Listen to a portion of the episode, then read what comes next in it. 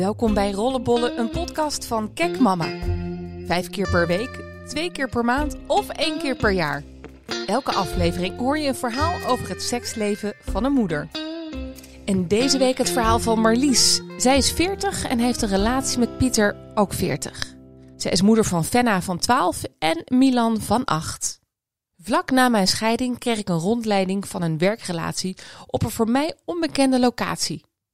Aan de telefoon had ik al een bepaald beeld van hem gecreëerd. Hij heette Pieter, zat in de ICT en ik nam aan dat hij een enorme geitenwolle soktype was. In real life bleek hij ontzettend aantrekkelijk, een leuke vent bij wie ik direct een seksuele klik voelde. Via een andere collega hoorde ik ook dat hij single was. Dat bood perspectief. Toch duurde het nog een jaar voordat we weer contact hadden. Ik was druk met het afhandelen van de scheiding en woonde nog een tijd bij mijn ex in huis. Niet echt chic om dan te gaan daten. Maar Pieter bleef in mijn hoofd zitten. We waren Facebook-vrienden geworden en ik merkte aan zijn kant ook enige interesse. Hij lijkte steeds vaker een post van mij. Eenmaal meer gezetteld nodigde ik hem met een smoes via Messenger uit om ergens samen koffie te drinken. Vanwege de lockdown werd dat een strandwandeling en een koffie to go. Dat was begin 2021. Er volgden meer afspraakjes en er sloeg een vonk over. Sindsdien hebben we een afstandsrelatie die zich voornamelijk in het weekend afspeelt vanwege mijn kinderen. Met mijn ex Guido ben ik 18 jaar samen geweest. We kenden elkaar al sinds ons 21ste en kregen twee kinderen. Ik was degene die wilde scheiden. We pasten niet meer bij elkaar, hadden ons in de loop der tijd allebei heel verschillend ontwikkeld. Ik ben ambitieus en actief in een verenigingsleven en in netwerken. Guido was een betrokken vader, maar heel introvert, beetje saai en totaal geen sparringspartner voor mij. Sterker nog, alle aantrekkingskracht was op den duur verdwenen. We deden het eigenlijk alleen nog maar op feestdagen. Ik worstelde met mijn beslissing om te scheiden. Wilde ons gezin niet kapot maken. Maar tijdens ons laatste weekendje weg zonder kinderen in een hotel in Maastricht voelde ik duidelijk dat we moesten stoppen. Guido zag het uitje als de gelegenheid weer eens ouderwets te vrijen. Ik kon het niet opbrengen. Ik realiseerde me dat ik echt geen zin meer had in seks met hem en ook niet in een verstandshuwelijk. Een scheiding leek de enige optie. Bij Pieter is die aantrekkingskracht juist heel sterk. Ik was meteen hotel de botel. En nog steeds als ik naast hem loop of op de bank zit, voel ik me een verliefde puber. Overigens duurde het wel even voordat we echt het bed deelden. De eerste dates keerde hij steeds aan het einde van de avond terug naar zijn eigen huis. Tijdens de avondklokperiode verbleef ik een keer keurig in zijn logeerkamer. Had voor mij niet per se gehoeven, maar Pieter bleek een echte gentleman die wilde wachten op het juiste moment. Dat kwam een paar dagen later, toen hij bij mij at. Ik had geen extra kamer voor hem en die nacht deelden we één dekbed en hadden we ook seks.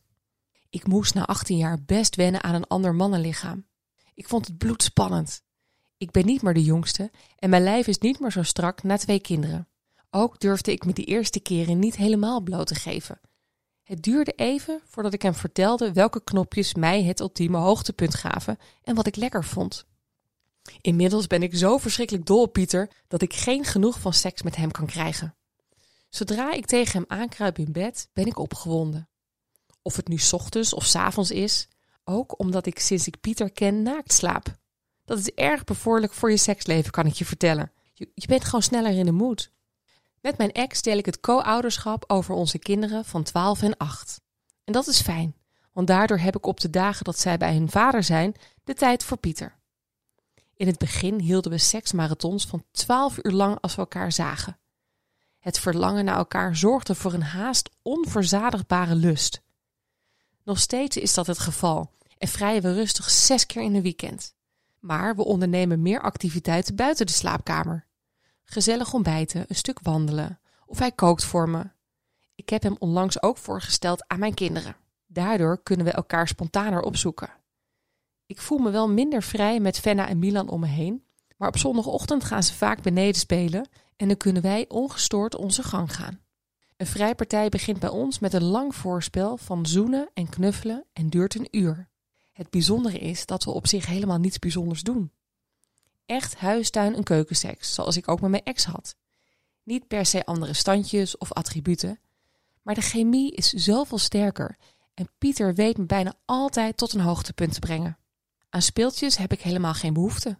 Ja, misschien is het vanwege de nieuwigheid. Wie weet komt dat ooit. Tussen de lakens is Pieter een echte gever. Ik voel me soms erg passief. Dan lig ik naast hem als een zeester, puur te ontvangen en te consumeren. Maar hij is dol op orale seks. Daar wordt hij opgewonden van. En hij, en hij vindt het fijn als ik het fijn heb. Ik heb hem wel eens gevraagd of er nog iets is wat hij miste, wat ik bij hem kon doen. Maar vooralsnog zijn er geen speciale verzoeken geweest. Wel hebben we een keer afgesproken over fantasieën als een trio. Hij stond er op zich wel voor open, mocht het ooit zo gaan. Ik absoluut niet. Ik heb meer dan genoeg aan hem. Gevaarlijk onderwerp dus. Ik ben er maar snel over opgehouden. En dit was hem weer. Luister je ook naar alle andere afleveringen van Rollenbollen?